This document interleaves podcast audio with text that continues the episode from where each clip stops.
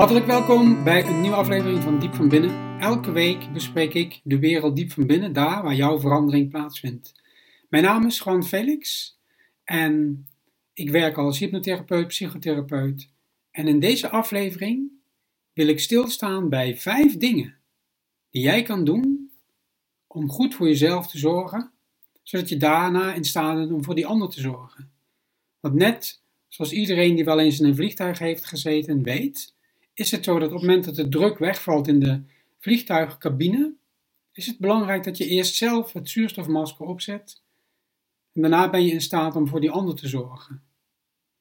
En in deze aflevering vijf dingen en ik ben daarbij geïnspireerd door een aflevering die ik zag op LinkedIn van een psycholoog, een Amerikaanse psycholoog, Adam Grant, die samen met Sheryl Sandberg, de COO van Facebook, een aantal video's heeft opgenomen die gaan over weerbaarheid.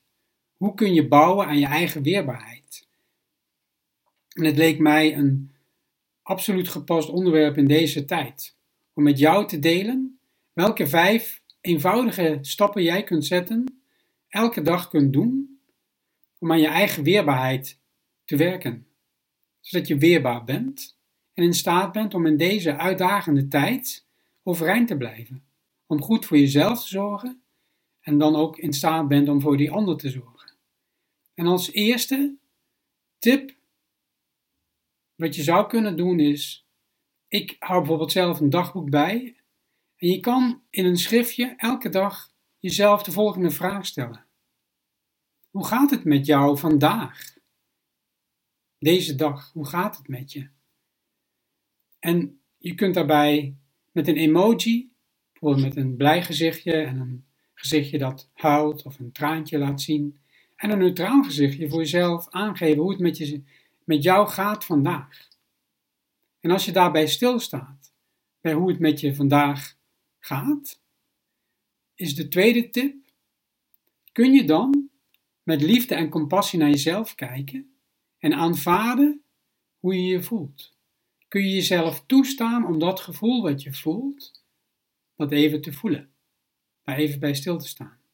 Net zoals je een vriend of vriendin zou benaderen die jou vertelt hoe het met hem of haar gaat. Kun je dan ook naar jezelf kijken met liefde en compassie. En dan de derde tip is als je aan het eind van de dag terugkijkt naar deze dag Welke drie dingen kun je dan opschrijven in je dagboek die goed gingen? Kunnen kleine dingetjes zijn of grote dingen. Het gaat er vooral om dat je elke dag even focust op die dingen die goed gaan. Die je aandacht zo richt op de zaken die jij goed hebt gedaan. En het kunnen dingen zijn als dat je het ontbijt hebt klaargemaakt, of wellicht even een kopje thee hebt gezet voor iemand of een kopje koffie. Dat je daarbij stilstaat bij al die kleine momenten die eigenlijk heel groot zijn. En jezelf toestaat om de balans op te maken aan het eind van je dag. En dan de, de vierde tip. In deze tijd, waarin ook veel mensen hun baan kwijtraken, of tijdelijk geen werk hebben, en mensen bezig zijn om hun eigen onderneming overeind te houden, is natuurlijk een uitdaging om in elke dag betekenisgeving en zingeving te vinden.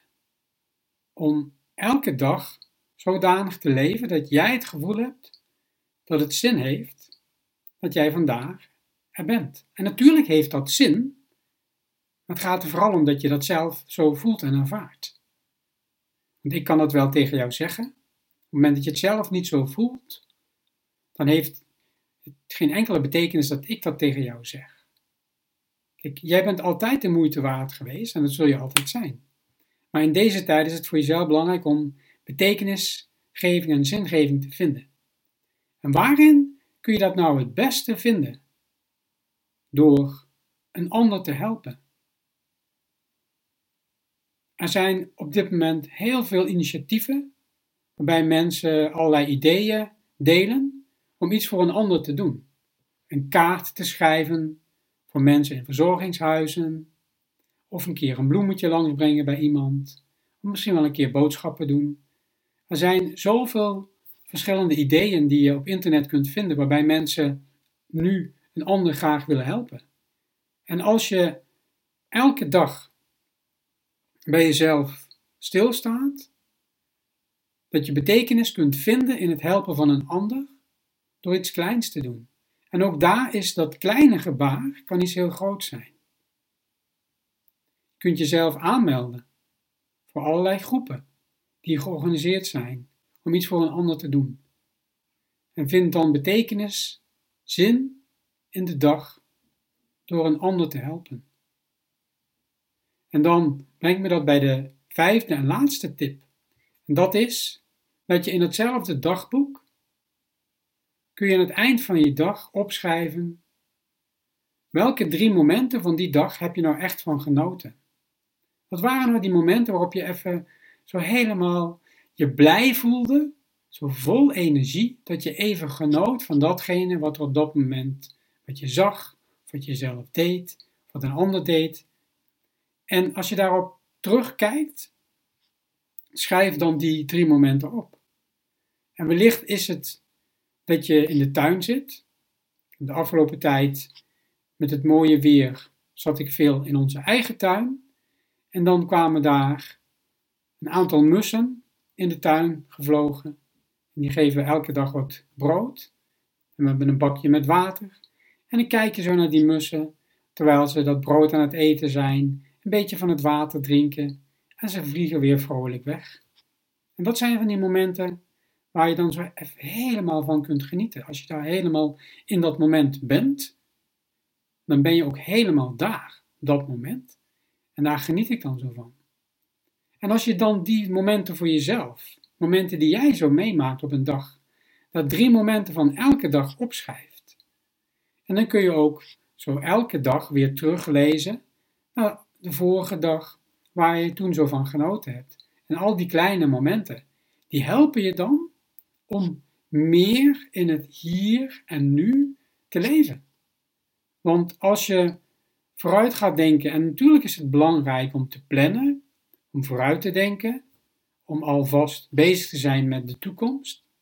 Maar als je vooruit denkt en nadenkt over wat er allemaal kan gaan gebeuren, dan zijn wij mensen in staat om allerlei slechte worst case scenario's te bedenken. En meestal bedenken we wat er gaat gebeuren en de orde van grootte van wat er allemaal gaat gebeuren en aan welke eh, rampen er allemaal kunnen gaan gebeuren, maken we altijd veel groter dan wat er in werkelijkheid gebeurt.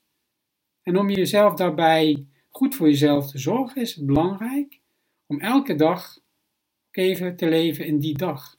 En voor jezelf de balans op te maken van wat er die dag allemaal zo goed is gegaan en waar je van genoten hebt. Nou, ik hoop dat deze vijf tips, dat die jou helpen om goed voor jezelf te zorgen. Zodat als jij goed voor jezelf zorgt en je zo die dag gewoon tijd neemt voor jezelf, dat je dan ook in staat bent om voor die ander te zorgen. Om voor die anderen die in jouw gezin leven of misschien wel je buren of vrienden waar je zo eventjes aandacht aan kunt geven. Maar het begint ook bij jezelf. Vergeet jezelf niet. En het heeft niets te maken met egoïsme. Het heeft alles te maken met dat je eerst zorgt voor jezelf. En dan ben je ook in staat om voor die ander te zorgen. Want vergis je niet, deze uitdagende tijd is voor ons allemaal een uitdaging om zowel lichamelijk, lichamelijk als mentaal, geestelijk gezond te blijven. En niemand heeft er iets aan als jij nu in elkaar zou storten, dat je gezondheid achteruit zou gaan of dat je het mentaal niet aan zou kunnen. Iedereen is erbij gebaat, inclusief jijzelf, dat jij overeind blijft. En daarom mijn advies: bekijk deze vijf tips, gebruik ervan wat je kunt gebruiken. En ik hoop dat ze alle vijf voor jou waardevol zijn. En daarmee dank ik je hartelijk voor je aandacht En hoop ik je de volgende keer weer te zien bij een nieuwe Diep van Binnen. Dankjewel, hou je goed en pas goed op jezelf. Dag!